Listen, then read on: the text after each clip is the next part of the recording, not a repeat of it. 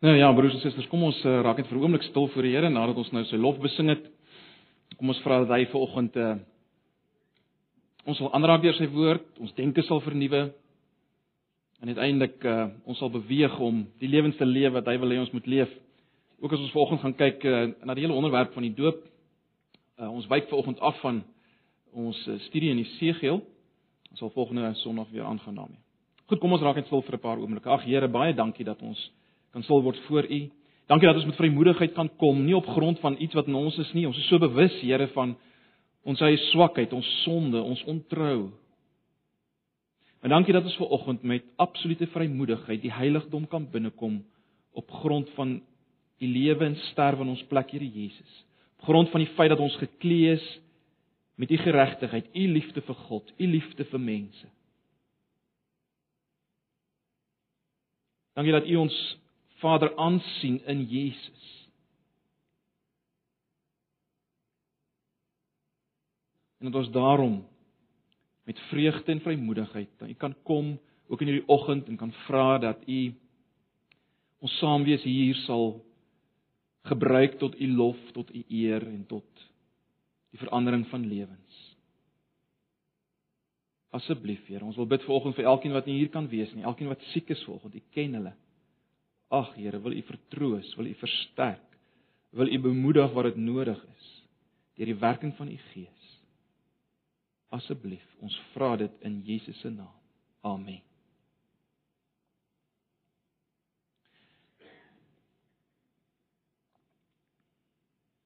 Nou, vir vanoggend se doeleindes wil ek hê ons moet uh, blaai na Matteus hoofstuk 3. Ek wil ook hê julle moet maar uh, kry 'n vinger by Eksodus 29 en ook by Hebreërs 13. En hoef julle nie net nou so intoe te blaai nie. Matteus 3, Eksodus 29 en Hebreërs 13. Dit is belangrik dat julle vanoggend sal bybly, saam sal lees. Anders mag ons mekaar dalk verloor, gaan dalk 'n bietjie ingewikkeld raak hier en daar. Maar ek vertrou die Here gaan ons help.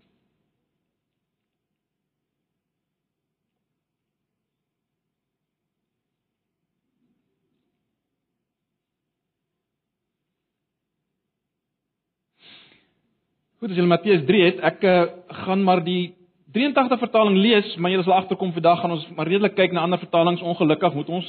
Dis jammer. Uh maar ons gaan begin met die 83 vertaling. Goed, Matteus 3 vanaf vers 1. In daardie tyd het Johannes die Doper in die woestyn van Judea begin preek en gesê: "Bekeer julle, want die koninkryk van die hemel het naby gekom."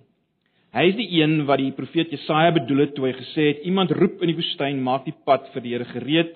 Maak die paaie vir hom reguit. Hierdie Johannes het klere van kameelhaar gedra met 'n leerband om sy heupe en hy het van sprinkane en veldteening gelewe. In die dae het Jerusalem en die hele Judea en die hele omgewing van die Jordaan hom toe gestroom. Hulle het hulle sondes bely en hulle deur hom in die Jordaanrivier laat doop. Toe hy merk dat baie van die Fariseërs en Sadduseërs kom om deur hom gedoop te word, sê hy vir hulle: "Julle slange weet julle wys gemaak dat julle die dreigende toorn kon ontvlug Dra liewer vrugte wat bewys dat jy bekeer is. Julle moet julle nie verbeel dat julle by julleself kan sê ons het Abraham as voorvader nie. Dit sê ek vir julle, God kan uit hierdie klippe kinders vir Abraham verwek. Die Bybel lê al klaar in die wortel van die boom, elke boom wat nie goeie vrugte dra nie word uitgekap en in die vuur gegooi. Ek doop julle wel met water omdat julle julle bekeer het, maar hy wat na my kom is my meerdere en ek is nie eers werd om sy skoene uit te trek nie. Hy sal julle met die Heilige Gees en met vuur doop. Hy het sy skop in sy hand en hy sal sy dorsvloer deur en deur skoon maak. Sy koring sal hy na die skuur toe bring, maar die kaf sal hy met 'n onblusbare vuur verbrand. In daardie tyd het Jesus van Galilea af na Johannes toe by die Jordaan gekom om deur hom gedoop te word. Maar Johannes het dit probeer verhinder deur te sê: "Ek moet eintlik deur u gedoop word en u kom na my toe." Jesus het hom geantwoord: "Nogtans moet jy dit nou doen, want op hierdie manier moet ons aan die wil van God voldoen Daarna het Johannes ingestem. Nou hierdie vers, ek gaan net nou heel wat meer sê oor want dis ons in ons fokusvers. Ek wil hom net ook in die 53 nou al lees, ons gaan net nou weer daarna verwys. 3 vers 15 in die 53 vertaling. Maar Jesus het geantwoord en vir hom gesê: "Laat dit nou toe, want so pas dit ons om alle geregtigheid te vervul." Daarna het hy hom toegelaat. Vers 16 Jesus is toe gedoop en hy het dadelik uit die water gekom met eens uit die hemel bokant hom oopgegaan en hy het die gees van God soos 'n duif sien neerdal en op hom kom. Daar is ook 'n stem in die hemel wat gesê het: "Dit is my geliefde seun, oor hom verheug ek my." Lees dit so ver. Ek dink ons almal ken die uitdrukking oorbekend maak onbemind, né? Nee. En dit geld natuurlik vir baie aspekte van die lewe, baie dinge in die lewe. Maar dit geld ook vir geestelike waarhede, waarhede van die Bybel. Dis ook van toepassing daarop. En een so waarheid waarop hierdie uitdrukking van toepassing is, is die waarheid omtrent die doop. Ek dink ons is dikwels oorbekend daarmee. En daarom is ons nie meer opgewonde daaroor nie. Ons word nie regtig meer daardeur geraak nie, dit beweeg ons nie eintlik meer nie. Dalk het jy vanoggend hiernatoe gekom en gedink, "Ag, alweer 'n preek oor die doop. Ons so baie gehoor." En laat ek dadelik sê, hierdie gevoel kom voor by sogenaamde klein dopers en sogenaamde groot dopers. Erger nog, hierdie Bybelse waarheid omtrent die doop lei dikwels tot soveel verskille, argumente dat ons dit liefs probeer vermy, nê, nee, veral as daar mense van beide kante teenwoordig is. Ek dink persoonlik dat een rede vir hierdie situasie, hierdie toestand, as jy wil, is dit. Ons sit almal ver oggend of aan die een kant met wat ek wil noem oppervlakkige in aanhalingstekens sonnaarskool inligting rondom die doop. En aan die ander kant het ons blote leerstellige kennis rondom die doop. Met ander woorde, ons weet min of meer uh die baptiste leer dit oor die doop en die en die doppers en die NG ouens leer dat oor die doop. Ons is nie heeltemal altyd agter die kap van die Bybel nie, glo my, maar maar ons het so idee en en dis goed genoeg vir ons en ons weet ons verskil en en dis daar. Ons los los ons los dit daar. Weerens dit geld vir beide kampe as ek dit so kan stel. En hierdie toedrag van sake broers en susters veroorsaak dat ons nie meer regtig verwag dat die Here ons kan ook kan oopmaak werklik vir vir iets nuuts, iets anders oor die doop nie. Dat die Here ons weer kan opgewonde maak daaroor nie. Ons verwag dit. Ons verwag dit. Ek is volgens oortuig dat as ons met 'n verwagting kom na gedeeltes waar die doop ter sprake is, en ons hou regtig die konteks in gedagte en ons kyk Bybels teologies daarna. Met ander woorde, ons ons kyk daarna in die lig van die hele verhaal van die Bybel wat 'n een eenheid is van begin tot einde. Ek is oortuig daarvan dat eh uh, die Here ons dalk net mag verras met nuwe insig en aanmoedig en aanspoor tot 'n eh, tot 'n nuwe lewe as ons as ons hierdie vars per, uh, perspektiewe kry.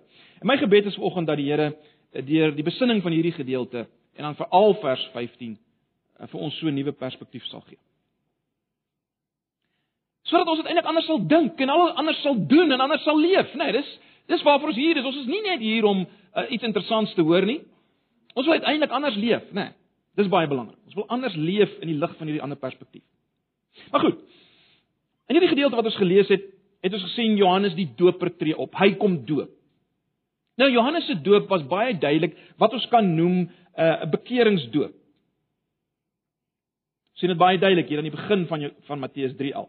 Uh beide in Markus Evangelie en in Lukas se Evangelie word sy doop eksplisiet genoem die doop van bekering tot vergifnis van sondes. Markus 1 vers 4, Lukas 3 vers 3. Dit is baie duidelik, ons sien dit al in vers 1 van Matteus 3 dat Johannes het bekering gepreek. Met ander woorde, hy het duidelik gemaak dat die Jode van sy tyd moet dinge bely en laat staan. En hulle moet anders begin lewe, 'n lewe wat pas uh by bekering. Hulle moenie meer dink hulle is van selfsprekend maar net kinders van Abraham nie. Hy daag vir al die die fariseërs uit daarmee. En die skrifgeleerdes. Maar baie belangrik, let wel, Johannes se boodskap het op hierdie stadium nog niks te doen gehad met geloof in Jesus.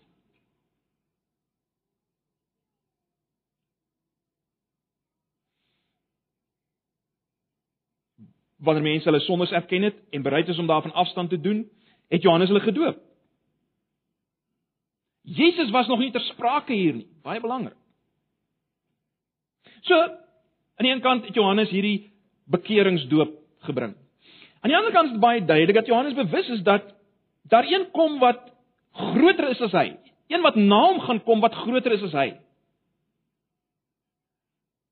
Daai het van die, aan die begin gesê die, die koninkryk van God het naby gekom. Is ook bewus dat hy of is ook duidelik dat hy bewus is daar kom een wat groter is as hy. Wat met die Heilige Gees en vuur gaan doop. Julle sien dit daar in vers 11 van hoofstuk 3. Hy gaan met die Heilige Gees en vuur doop, nie net met water. So Johannes is baie duidelik 'n voorbereider vir Jesus. Hy's 'n voorbereider vir Jesus. Matteus maak dit duidelik in vers 3 van hoofstuk 3 as hy eh, as hy Jesaja 40 uh aanhaal uh waar Jesaja praat van hierdie voorbereider vir die pad van die Here. So Matteus wil vir ons kom sê Johannes is 'n voorbereider. Johannes self is daarvan bewus. Mens sien dit byvoorbeeld in Johannes Evangelie, nou net so terloops, Johannes Evangelie is natuurlik nie geskryf deur Johannes die Doper nie, né? Dis 'n ander Johannes. Maar in Johannes Evangelie sê Johannes die Doper in uh in hoofstuk 1 vers 31 die volgende. Hy sê ek het hom nie geken nie, dis nou Jesus. Ek het hom nie geken nie. Maar dat hy aan Israel openbaar sou word, daarom het ek gekom en met water gedoop. So wat sê Johannes hier? Hy sê hy self het Jesus nie geken terwyl hy gedoop het nie. Maar as profeet het hy onmiddellik toe Jesus na hom gekom het, het hy onmiddellik besef wat gaan aan, né? Hy het onmiddellik besef dat sy doop is eintlik net 'n noodsaaklike fase in God se plan sodat Jesus kan kom.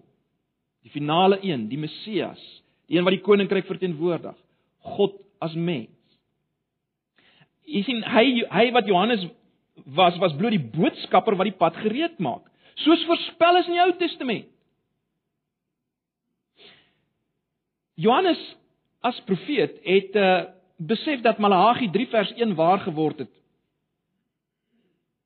in sy lewe en in die koms van Jesus. Luister net na Malagi 3 vers 1. Kyk, ek stuur my boodskapper wat die weg op die pad vir my uit sal baan. Dan sal skielik na sy tempel kom Die Here na wie julle gesoek, naamlik die engel van die verbond, na wie julle 'n begeerte het. Kyk hy kom, sê die Here van die leerskare. Julle sal weet ons het Markus gedoen. Markus lei sy evangelie in met hierdie vers uh in Malagi 3 vers 1. Maar nou. Dit was eintlik net nou vir so 'n bietjie agtergrond oor Johannes. Nou in die gedeelte wat ons gelees het, kom hierdie Jesus na hierdie Johannes om deur hom gedoop te word in vers 23 van hoofstuk 3. En Johannes weier in vers 24. Hy weier want hy is baie bewus dat hierdie Jesus het nie sonde nie en sy doop gaan oor die bekering van sonde. So hoe op aarde kan hy vir Jesus doop en daarom weier hy. Dit gaan nie werk nie. Sy doop gaan nie werk met Jesus nie. Maar dan maak Jesus 'n uitspraak in hoofstuk 3 vers 15 en daarna stem Johannes in om Jesus te doop. Wat gaan hier aan? Hoekom stem hy ewe skielik in? Nou ek wil hê ons moet vanoggend fokus op Matteus 3 vers 15 want ek glo ons het hier 'n sleutel tot 'n tot 'n nuwe vars verstaan van die betekenis en die doel van Jesus se doop en ek is oortuig dat dit gee vir ons ook nuwe perspektief oor die betekenis en die manier van doop vir ons.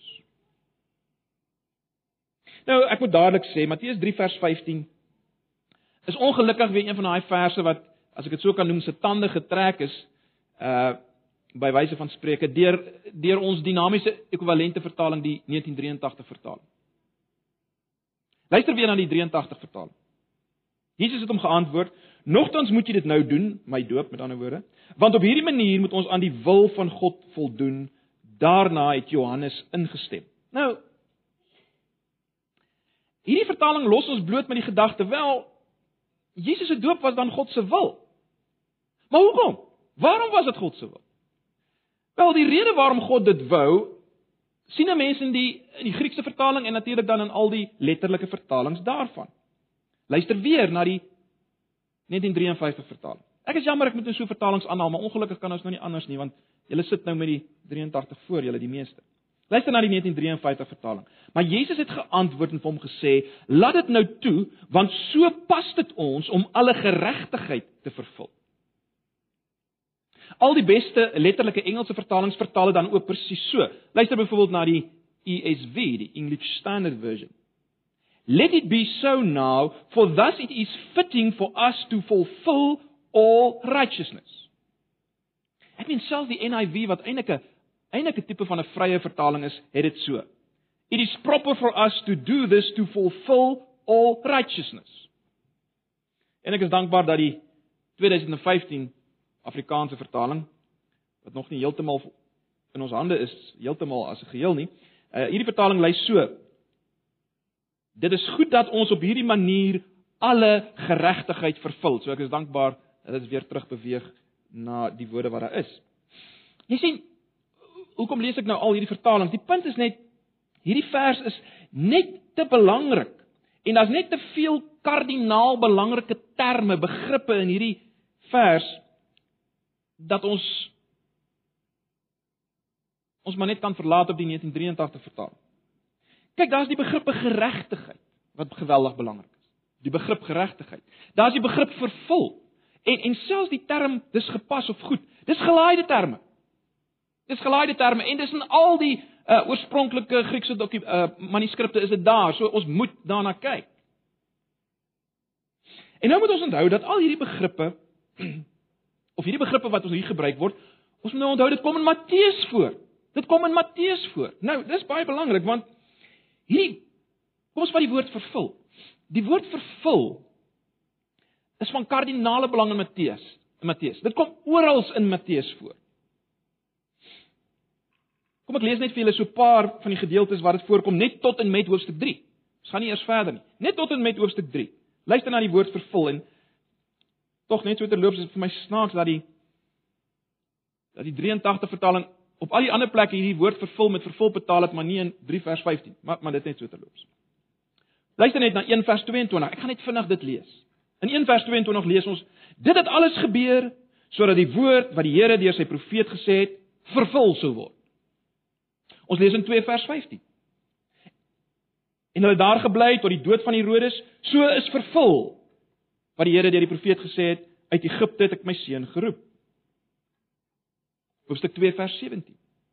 Toe is die woord vervul wat die Here deur die profeet Jeremia gesê het. Hoofstuk 2 vers 23.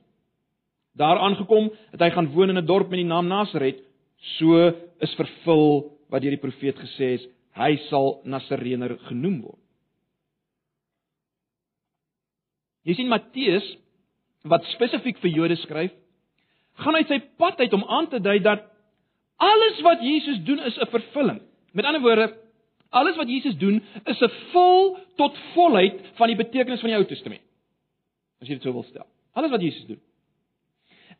Ek het al vir julle genoem, ek noem dit maar weer, dis selfs interessant dat Matteus sy hele boek so saamstel. Om aan te dui dat Jesus eintlik die rol van Israel oorneem. Jesus is nou die knegg van God wat Israel moes wees. Eh, sy hele boek se samestelling wys dit eintlik. Mens sien dit byvoorbeeld uh dat Jesus se ouers vlug na Egipte, let wel, en dan word Jesus letterlik uit Egipte geroep in Matteus 2 vers 15 en ons nou net daarna verwys so is die woord van die Here vervul. Met ander woorde, net soos Egipte uh, net soos Israel uit Egipte geroep is, moes Jesus die plaasvervanger van Israel uit Egipte geroep word. Dis hoekom hy so intoe is. Matteus 2 vers 15 en en en dan natuurlik uh ons het nou hoofstuk 3 gelees waar Jesus gedoop is Waar kom Israel net nadat hulle uit Egipte is? Wel, hulle hulle gaan deur die water, is dit nie? Wat is die volgende ding wat gebeur met Israel? Wel, hulle word versoek in die woestyn. Wat is die volgende ding in Matteus? Matteus 4 na Jesus se doop. Jesus word versoek in die woestyn. Waar kom die volk nadat hulle in die woestyn versoek is? Hulle kom by die berg Sinai waar die ou verbond afgekondig word van die berg. Waar kom Jesus? Wel, in Matteus 5 klim hy op die berg en ons kry die bergrede wat nie 'n nuwe wet is nie, maar dis die beginsels van die koninkryk. Hoe lyk koninkryksmense? Hoe hoe leef hulle en so meer? Natuurlik daar vervul Jesus beide die rol van Moses en Israel. Maar goed. Wat belangrik is om volgens te sien is dit. Jesus se lewe as die vervulling van die Ou Testament staan voorop vir Matteus. Dis vir Matteus uiters belangrik. Ek dink dis duidelik vir hom. En nou kom Jesus hier in Matteus 3 vers 15 en hy sê sy doop is ook 'n vervulling van iets. Maar waarvan? Van wat is dit 'n vervulling? Wel, Jesus maak dit duidelik dat sy doop is deel van die vervulling van geregtigheid. Jesus maak dit duidelik hy moet alle geregtigheid vervul en sy doop is deel van die vervulling hiervan. So Jesus se doop is meer as net 'n identifisering met Israel. Kyk, hy het nou deur die water gegaan, net soos uh die volk deur die water gegaan het. Maar daar's meer as dit in sy doop. Watter geregtigheid moes vervul word? Wel, ons moet natuurlik verstaan wat word bedoel met geregtigheid. Dit lyk vir my dis deurslaggewend belangrik vir ons verstaan van wat Jesus hier sê. Want hy vervul geregtigheid deur sy doop. Nou, ek wil nie te lank hierop ingaan nie. Maar die woord geregtigheid in die Ou Testament het altyd te maak feitelik altyd met die wet van Moses. Met ander woorde, geregtigheid was die onderhouding van die wet van Moses. Nou, julle weet al waarna ver, eh, wat bedoel ons met die wet, nê? Nee, of waarna waarna verwys die wet? Die wet het te maak met die hele ou verbondstelsel, nê? Nee, al die wette oor hoe hulle moes lewe, al die voorskrifte vir lewe, al die voorskrifte vir die offerhandes, vir die priesters. Die hele inhoud van die ou verbond is genoem die wet. Dit is tog belangrik want ek dink ons is geneig om aan die wet bloot as die 10 gebooie te dink. Nee, nee, nee. Wet het te maak met dit alles.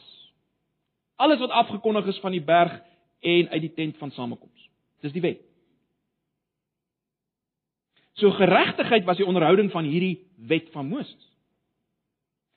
En Matteus deel hierdie gebruik van geregtigheid. Luister wat sê Matteus byvoorbeeld in Matteus 5 vers 20. Matteus sê en ek lees nou die letterlike vertaling eers, die 53. Matteus sê of of uh, Jesus sê in Matteus 5 vers 20 en die 83 want ek sê vir julle dat as julle geregtigheid nie oorvloediger is as die van die skrifgeleerdes en fariseërs nie, julle nooit in die koninkryk van die hemel sal ingaan nie. Met ander woorde, Jesus maak dit duidelik dat as iemand die koninkryk wil ingaan, moet hy iets meer hê as die skrifgeleerdes en die fariseërs se wetsonderhouding, hulle geregtigheid. Die 1983 vertaling baie interessant of ek laat ek so stel, korrek vertaal die vers so. Matteus 5 vers 20. Ek sê vir julle, as julle getrouheid aan die wet nie meer inhou as die van die skrifgeleerdes en fariseërs nie, sal julle nooit in die koninkryk van die hemel kan ingaan nie. Punt is maar net geregtigheid in sy gebruik in die Ou Testament en sy gebruik veral voor Jesus se kruis en opstanding verwys na die wet van Moses. So Jesus moes gedoop word want dit is iets wat die wet vereis. Dis wat hy sê. Jesus moes gedoop word want dit is iets wat die wet vereis. In vers 15 sê Jesus om presies te wees, hy sê dit was gepas dat hy gedoop moes word om alle geregtigheid vervul. Met ander woorde, dit was reg dat hy dit doen. Nou. Is interessant dat in Hebreërs 2 vers 10. Julle het nou Hebreërs gedoen, so julle kan dit dalk nog onthou. Uh in Hebreërs 2 vers 10 word hierdie selfe woord wat in Matteus 3 vers 15 met gepas of dis reg vertaal word gebruik. Hier in hier in Hebreërs 2 vers 10. Luister, ek lees dit vir julle. God ter wille van wie alles bestaan en deur wie alles ontstaan het, wou baie dat laat deel kry aan sy heerlikheid. En daarom was dit reg en dis dieselfde woord wat in 3 vers 15 as gepas of reg vertaal word. En daarom was dit reg dat hy hulle leidsman dis Jesus, tot die verlossing deur lyding heen tot volmaaktheid tot volmaaktheid sou bring. Ag, die Engelse vertaling vertaal dit met it was fitting, die 53 met dit het dit hom betaam om dit te doen. Wat probeer ek maar net sê is dat Jesus se doop was dus net so nodig vir sy werk. En dis belangrik. Jesus se doop was net so belangrik vir sy werk as sy lyding.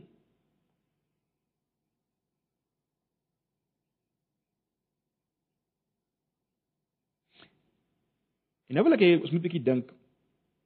Ons moet 'n bietjie verder dink. As jy julle preeknotas volg, ek is nou by Jesus se doop in Eksodus 29.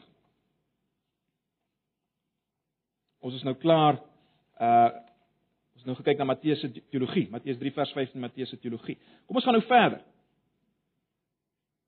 Ons het nou verwys na Hebreërs 2 vers 10 waar die skrywer deur die Heilige Gees dit duidelik maak dat Jesus deur lyding heen volmaaktheid sou bereik en dit was gepas gewees. Dit was reg gewees vir God. En nou is dit baie interessant dat dieselfde boek Hebreërs en julle weet nou Hebreërs wys dui of lig Jesus uit as beide die hoë priester wat die wat 'n offer bring as die offer self. In hierdie boek Hebreërs word die volgende aspek, interessante aspek van sy lyding en sy dood uitgelig as as dit wat vervul is deur sy kruisdood. Iets baie interessant. Blaai gou na Hebreërs 13. Ek het julle gesê julle moet 'n vinger kry by Hebreërs 13. Kyk gou na Hebreërs 13 vers 11 en 12.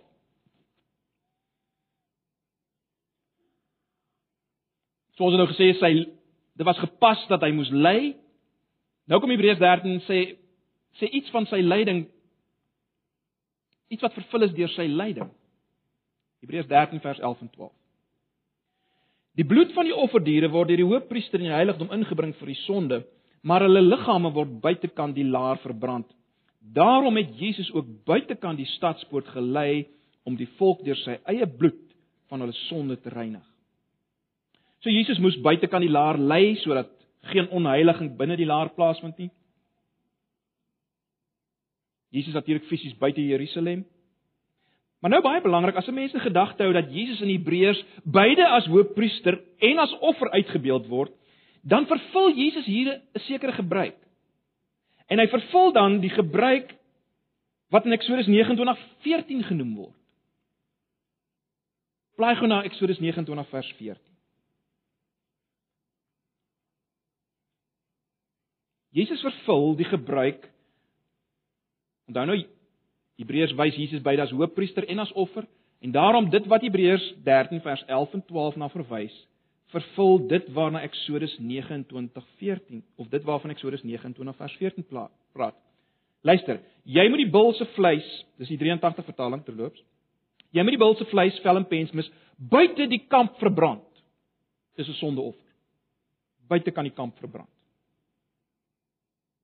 Maar goed, Waaroor gaan die hele Eksodus 29? En ek ek ek beweeg nou nader aan wat ek wil beweeg. Waaroor gaan Eksodus 29? Julle het nie nou tyd om en ons het nie nou tyd om hele Eksodus 29 te lees nie, maar as julle sal baie vinnig dit optel. Daar's daar's twee seremonies ter sprake in Eksodus 29. Daar's eerstens wat ek wil noem die die inwyding of inisiasie van priesters en hoofpriesters. Sien dit al daar in vers 1. En vanaf vers 1 tot 9 is daar die reinigings die reiniging van die priesters deur 'n offer in vers 10 en verder. So daar's twee seremonies. Die instelling of inwyding of inisiasie van die priesters en die hoofpriester en dan die reiniging van hierdie priesters deur 'n offer vanaf vers 10 verder.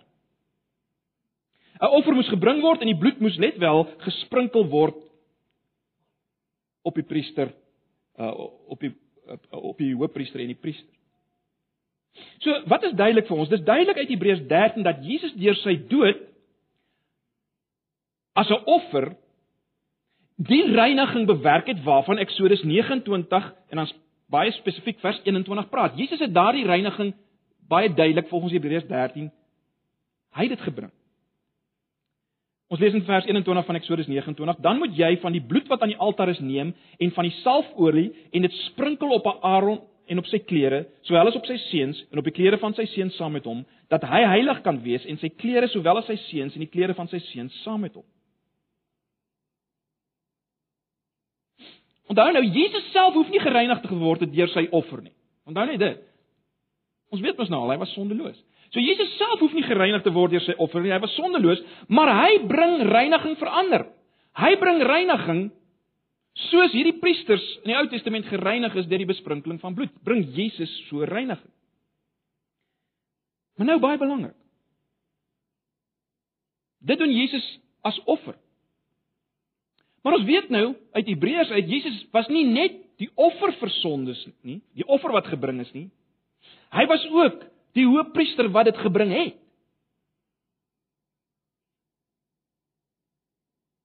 En as julle nou nog op hierdie punt by is en ek hoop so, wil ek nou 'n stelling maak. Ek wil 'n stelling maak in die lig hiervan dat die geregtigheid wat van pas is om vervul te word by Jesus se doop, is dit wat beskryf word in Eksodus 29 vers 4. Wat deel is van daai eerste seremonie. Kyk na Eksodus 29 vers 4.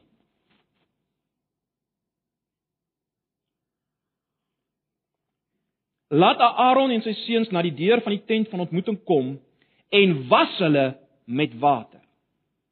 Laat Aaron en sy seuns na die deur van die tent van ontmoeting kom en was hulle met water. Nou albei vertalings het dit so. Jy sien, geen ander deel van die wet pas as jy wil by die doop van Jesus nie. Niks nie. Kry dit. Daar pas niks anders by die doop van Jesus nie as dit wat hier beskryf word. Net so terloops, die die woord was of wassing in Eksodus 29 vers 4 sou mens taalkundig korrek met doop kon vertaal. Uh, ons sien dit byvoorbeeld uit die verskillende vertalings van Hebreërs 6 vers 2. Julle sal weet in Hebreërs 6 uh, praat die skrywer van die eerste dinge en in ons Afrikaanse vertaling is een van hierdie eerste dinge die sogenaamde leer van die doop. Enkelvoud. Maar daar's 'n meervoud in die teks. En daarom baie van die Engelse vertalings praat van the baptisms, meervoud. En luister hoe vertaal die sekerlik die beste letterlike Engelse vertaling dit. Luister vertaal hulle dit. Instruction about washings. Instruction about washings. Met ander woorde, al wat ek wil sê is dit. Die woord was sou ook met doop vertaal kan kon word. Maar wat wil ek sê? Die belangrike punt is dit. Hier aan die begin van Jesus se bediening maak hy dit duidelik dat hy in die openbaar gedoop moes word, as jy wil gewas moes word. Hoekom? Want so word hy openlik as God se finale hoëpriester ingewy, geïnisieer. Nou kon sy werk begin. Jesus het sy bediening nie begin tot en met sy doop nie. Hy hy word dus nie gedoop omdat hy bekering nodig het nie. Hy word ook nie bloot gedoop om te identifiseer met mense soos baie kommentatore daai teks verklaar nie. Nee, hy word gedoop sodat hy sy werk as hoofpriester kon begin. En broers en susters, as mens dit verstaan, dan verstaan jy waarom Johannes Jesus moes doop. En jy verstaan waarom Johannes sy opinie verander het van een van nee, ek weier om jou te doop tot kom ons doen dit. Jy sien Johannes was ook 'n priester. Hoe kan ek dit sê? Wel, Sy pa Sagaria was 'n priester. Lukas 1 vers 5 en as jy as jou pa priester was, dan was jy 'n priester. Johannes was 'n priester. So toe Johannes hoor dat alle geregtigheid vervul moes word deur Jesus se doop, sy wassing in Jordaan, het hy as priester waarskynlik gesnap waaroor dit gaan. Hy het waarskynlik gesnap waaroor dit gaan.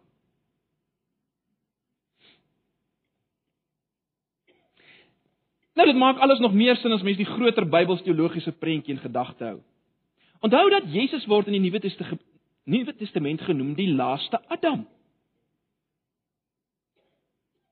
Ons weet, ek het al vir julle gesê, Israel het Adam se rol oorgeneem, né? Nee, ek meen Adam moes God se verteenwoordiger wees op aarde.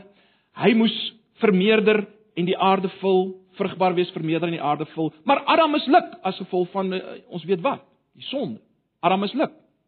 Israel neem nou Adam se rol oor, ons weet dit.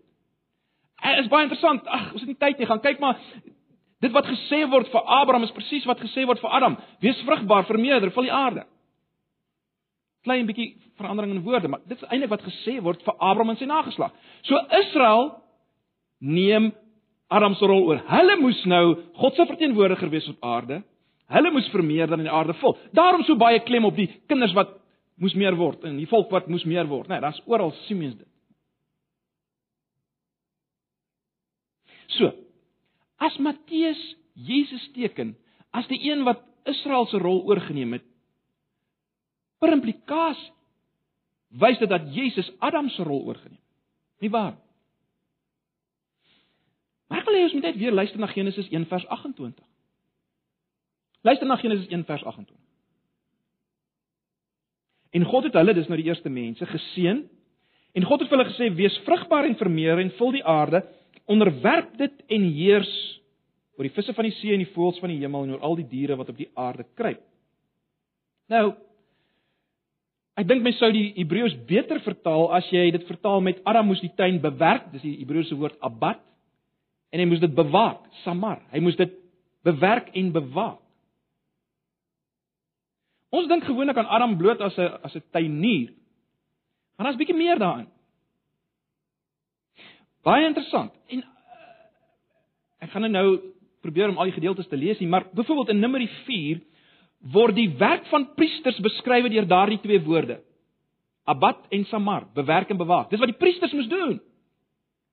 En nou as jy terugdink aan Genesis, onthou, sal jy onthou ek het vir julle gesê die tabernakel en later die tempel het sterker herinner aan Eden. Ek meen op die gordyne het jy serafs gekry. En gerubs, engele gekry op die gordyne. Ek meen die die kandelaar, daar word gepraat van die kandelaar se stam en die kelkies en so aan. Uh en die blomme van die kandelaar. Wat is die punt? Die tabernakel en die tempel was 'n afbeelding in die kleinge van Eden, God se heiligdom. Alraai. Die tabernakel en die tempel was 'n afbeelding afbeelding van die heiligdom van die Here Eden. En daarom Adam was God se hoëpriester in Eden. Hy moes Eden bewerk en bewaak. Onder meer moes hy sorg dat die versoeker Satan nie die heiligdom ontheilig nie. Mos weet hy misluk. Hy kry nie reg om dit te doen. Jesus Die laaste Adam is ook God se finale ware hoëpriester. Is dit toevallig dat Jesus na sy doop versoek word deur die Satan in die woestyn sodat hy kon staande bly teen die Satan in ons plek kon slaag waar Adam misluk het? Is dit toevallig? Hy verdryf die Satan. Die eerste Adam het misluk. Is dit verder toevallig dat Jesus presies 30 jaar oud was toe hy gedoop is? Ons weet dit uit uh 3 vers 23 van Lukas, Lukas 3 vers 23. Ons weet 'n priester is op 30 jarige ouderdom toegewy vir sy priesterwerk. Jesus is op 30 gedoop. Ag broers en susters, ek wil tot die konklusie kom dat die geregtigheid wat vervul moes word by Jesus se doop waarvan Matteus 3 vers 15 praat verwys na Jesus se vervulling van Eksodus 29 vers 4, die wassing van die priester of hoëpriester.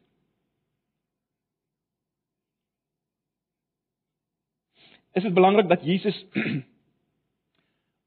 onderdompel is in die Jordaan en nie besprinkel is nie? Wel, ek dink so, want jy sien deur sy dood, sy kruisiging toe hy as offer geslag is, het hy die besprinkeling van Eksodus 29 vers 21 vervul. En Hebreërs 10 vers 22 sê ons het die reiniging van sondes ontvang deur die besprinkeling van sy bloed. Wat is die implikasie van dit wat ek vanoggend sê vir ons?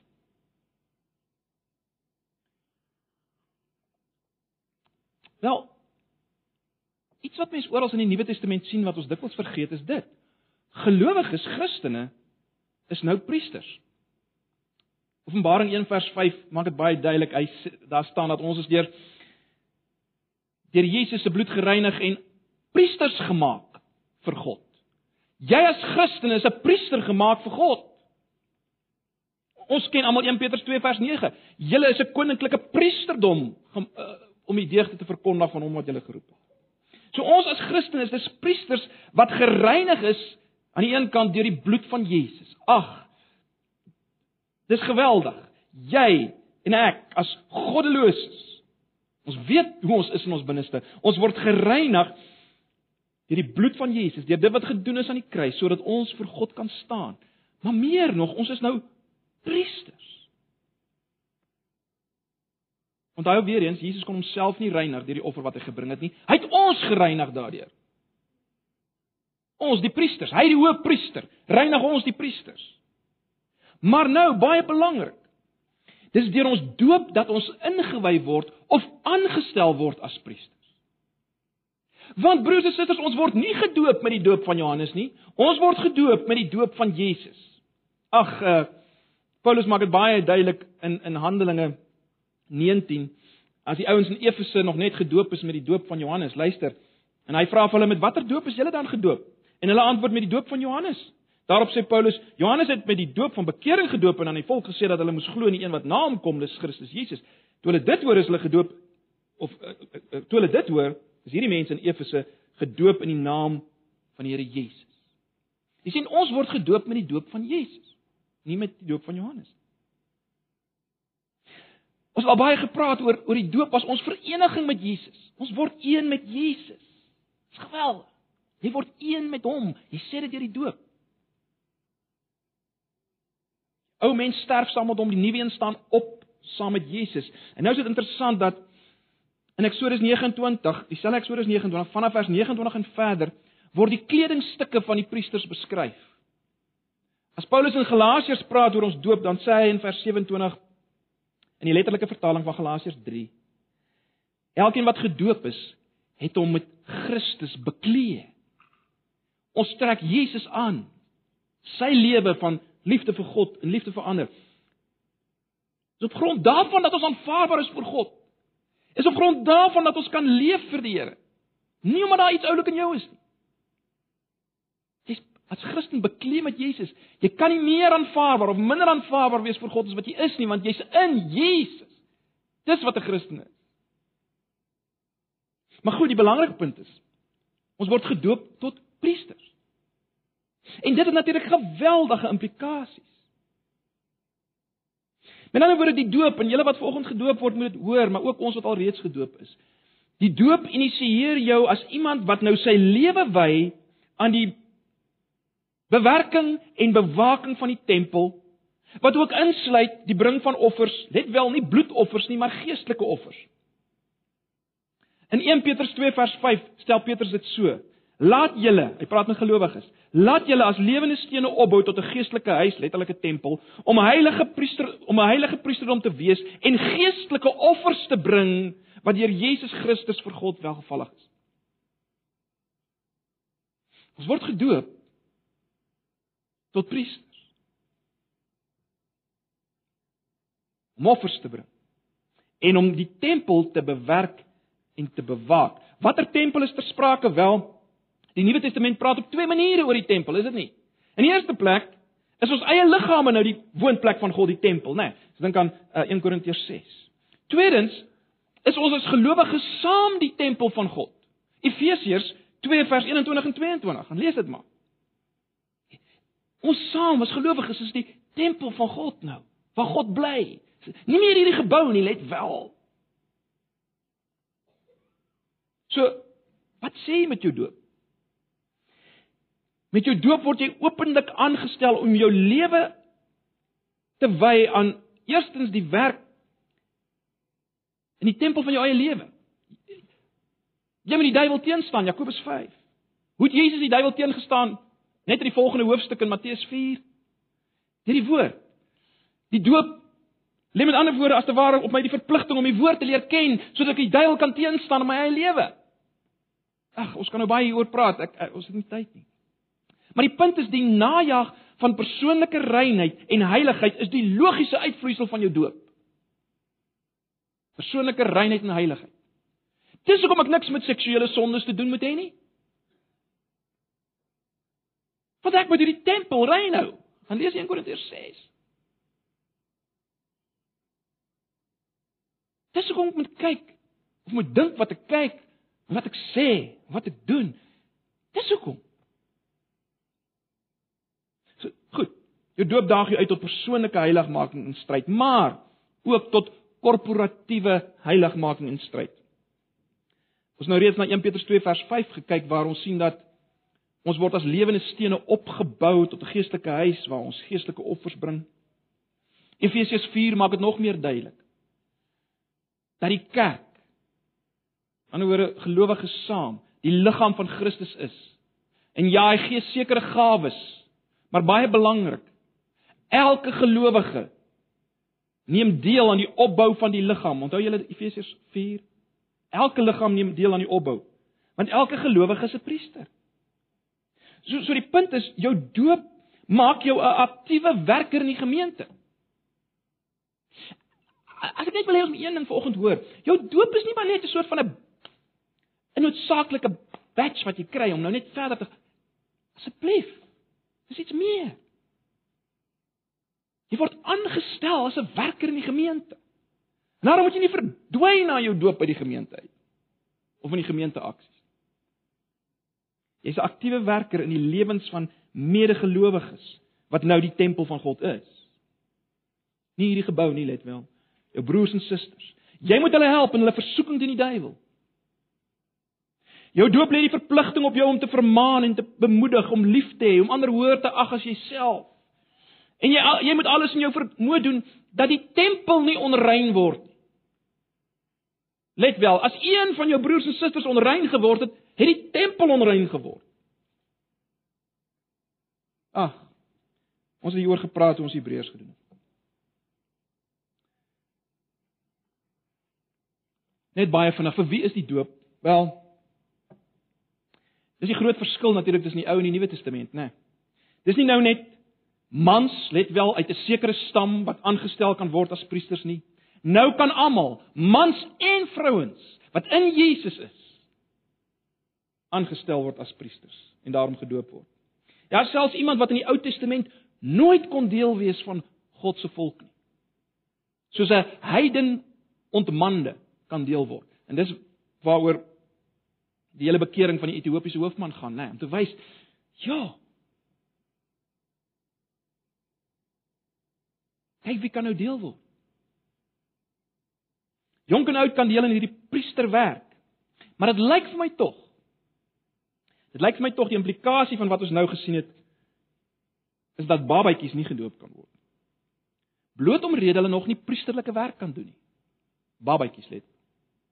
Dit beteken nie dat babatjies nie gered kan word nie, let wel. Iemand soos Johannes die Doper was van geboorte vervul met die Heilige Gees. Jy sien die die baba Lewiet. Die baba uit die stam van Lewi was ten volle Lewiet. Hy was te volle ten volle deel van die volk, maar hy kon nie priester wees voor 30 nie. Beteken dit ons moet gedoop word voor 30 natuurlik nie of op eers op 30 natuurlik nie. Ons leef in die Nuwe Testament. Leef in die Nuwe Testament. Kinders kan op 'n jong jong ouderdom alreeds op hulle manier 'n priesterwerk doen, verseker. Verseker. Maar dit lyk vir my tog uh dat dit nie suigelinge kan wees nie. Ek sluit af broers en susters. Wat 'n voorreg is dit nie om gedoop te word nie. Wat 'n voorreg is dit nie. In Israel wou almal graag leviete wees, maar hulle kon nie. Ons kan. En ons kan weer doen waarvoor ons geskep is. Ons kan weer doen wat Adam gedoen het. Ons kan weer ons skepingsdoel vervul.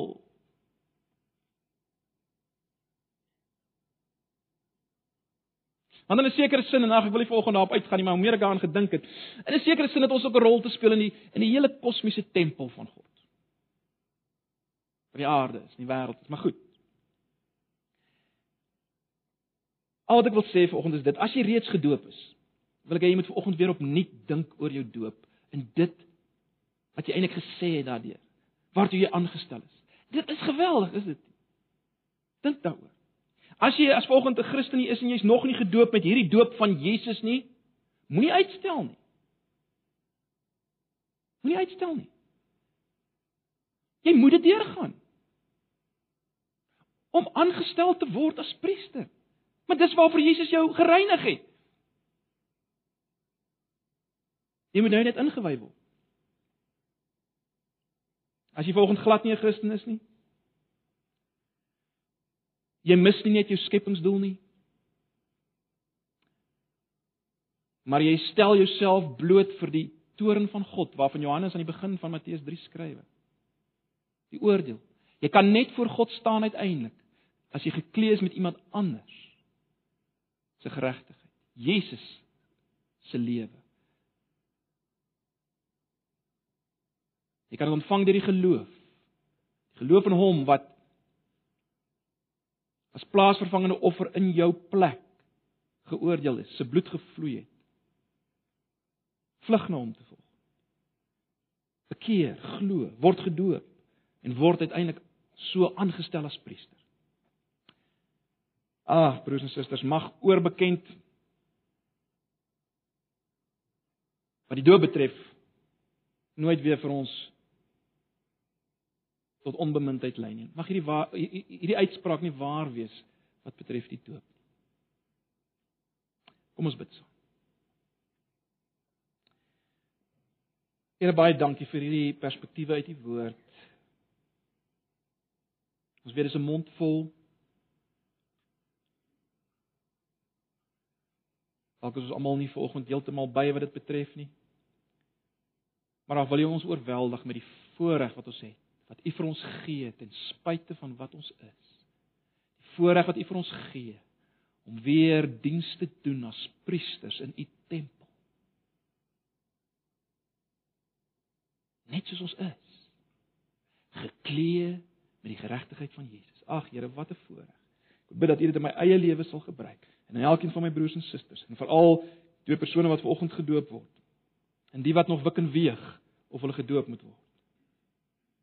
Doen 'n werk tot eer van U naam. Amen.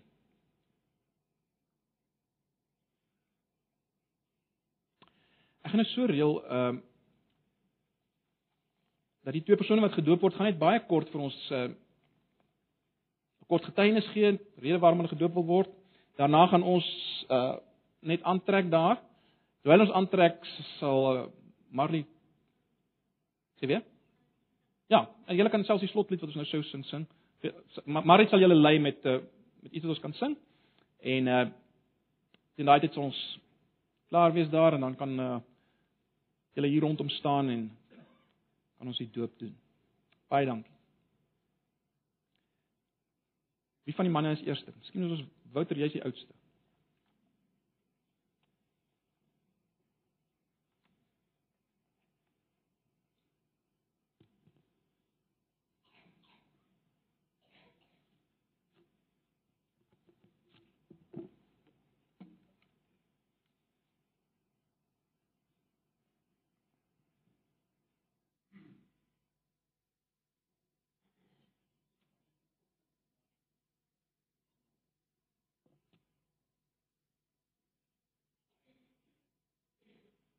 Goeiemôre aan almal.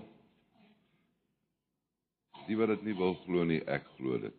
Dit is vir my 'n besonderse voorreg om voor so baie broers en susters te staan en dat ek welkom is in die gemeente. Dit is 'n wonderlike ervaring om die Here te ontmoet. Ek is persoonlik deur 'n fase van baie bling in my lewe waar dit baie goed gegaan het En dan kom jy by die kruispunt en dan besef jy jy is eintlik alleen. Maar as jy daar wakker word, besef jy jy is nie alleen nie. Jy het 'n liewe hemelse Vader wat lewe, wat opkyk na my. En hy het my omvou in my lewe en my lewe het verander. Maar daarbey moet ek ook sê daar was baie inspirasies. Wat ek graag oupa Isak wat 'n groot inspirasie in my lewe is. Ouma Gina, baie dankie vir julle ondersteunings. Tina, baie dankie vir jou en in besonder vir my twee dogters wat vermoere saam met my dit mag deelneem. Dankie liewe Heer, dankie vir almal van julle.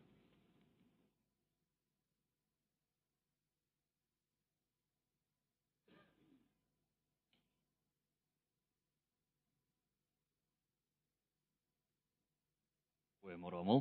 Nou my hoor. Ekskuus verskoon maar as ek bietjie emosioneel is en uh dis die eerste keer dat ek voor baie mense ook praat so. verskoon maar die bewe in die stem ook. Ag ek het 'n lang pad gestap um met Antipas met die kerk. Um ons was jare terug was ons ook in Antipas gewees nog by die ou ou gebou. En um ek het as 'n klein kind was ek altyd in die sonnaarskool gewees en ons het ag ek het altyd blootstelling gehad en um soos soos om Jakobus ook nou nou gesê het ek het altyd gedink ek's 'n oulike mens altyd gedink ek is okay, ek's alright.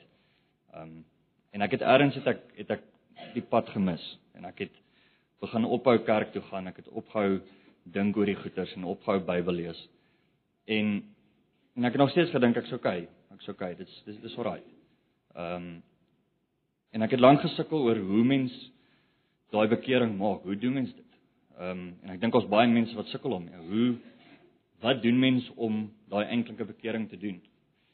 En ehm um, ek glo die Here werk met hy sit hy plaas mense in mense lewe om om 'n verskil te maak en ek het baie sulke mense gehad in my lewe. Ehm um, en baie mense wat 'n verskil gemaak het. Ehm um, ag ek wil nie name noem nie want dit gaan nie oor die mense nie, dit gaan oor die Here, maar ehm um, op die einde van die dag het ek besef dat ek moet net op my knieë gaan en ek moet sê Here, ek wil na U toe.